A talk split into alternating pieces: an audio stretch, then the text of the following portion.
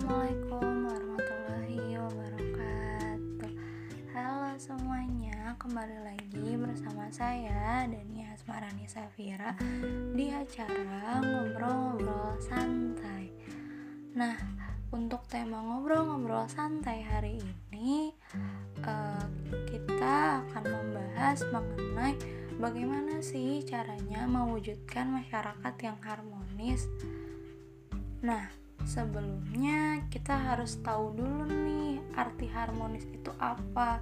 Nah, harmonis itu berarti rukun, selaras, terus dia berjalan bersama-sama. Contoh misalnya ketika kita masuk ke dalam ranah keluarga. Keluarga yang harmonis itu apa sih? Keluarga yang harmonis itu adalah keluarga yang di dalamnya rukun, saling mendukung, tidak saling mendahului, tidak saling ejek. Orang-orang yang di dalamnya punya tujuan yang sama dan tidak saling bersinggungan kalaupun berbeda gitu. Sama halnya dengan masyarakat yang namanya orang oh itu kan pemikirannya berbeda-beda bahwa yang satu nih saya sama teman saya atau saya sama tetangga depan saya pasti beda kan pemikirannya karena kita dididik atau di pondasi pemahaman kita pasti berbeda. Tapi ada sesuatu yang harus kita hargai gitu. Apa sih yang harus kita hargai yang harus kita adalah pandangan orang tersebut. Pandangan orang tersebut. Terus apalagi pendapat.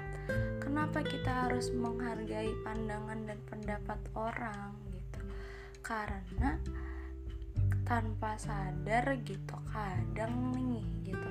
Kita ngerasa bahwa pendapat kita paling benar. Kita ngerasa bahwa enggak kok ini yang benar gitu. Tapi ternyata ternyata ada juga loh jawaban yang nggak beda dari kita tapi dia nggak salah gitu pandangannya. Jadi maksudnya di sini adalah untuk membentuk suatu masyarakat yang harmonis kita juga nggak boleh saling ego gitu. Kita nggak boleh maunya memaksakan pendapat sendiri maunya kita harus benar gitu. Terus yang kedua nih banyak banget yang uh, kita sesederhana nggak boleh suuzon sama orang lain. Misalnya uh, orang-orang ngeliatin kita lagi jalan terus kita ngerasa ih kok dia ngeliatin? Terus kita bilang kayak kok dia ngeliatin kita ya? Gitu. Dia nggak suka kali ya sama kita ya begitu begitu itulah hal-hal yang membuat lingkungan sekitar kita bikin kita merasa kita nggak kondusif. Padahal mungkin aja gitu sebenarnya biasa aja.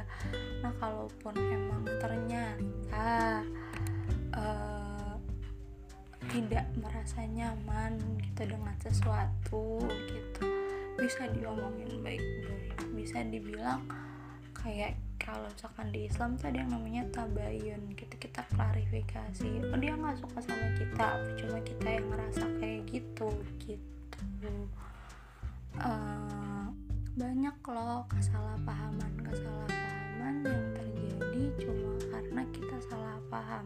Cuma karena kita menduga-duga kita suuzon sama orang lain bahwa ih jangan-jangan jangan-jangan nah, dari jangan-jangan itu yang nantinya justru malah membuat kita mengkotak-kotakkan diri dan akhirnya membenci satu sama lain jadi uh, uh, mungkin dari saya sarannya adalah jangan gampang menduga-duga sesuatu karena sesuatu itu ya ada harus ada kejelasannya kan agar tidak saling membenci.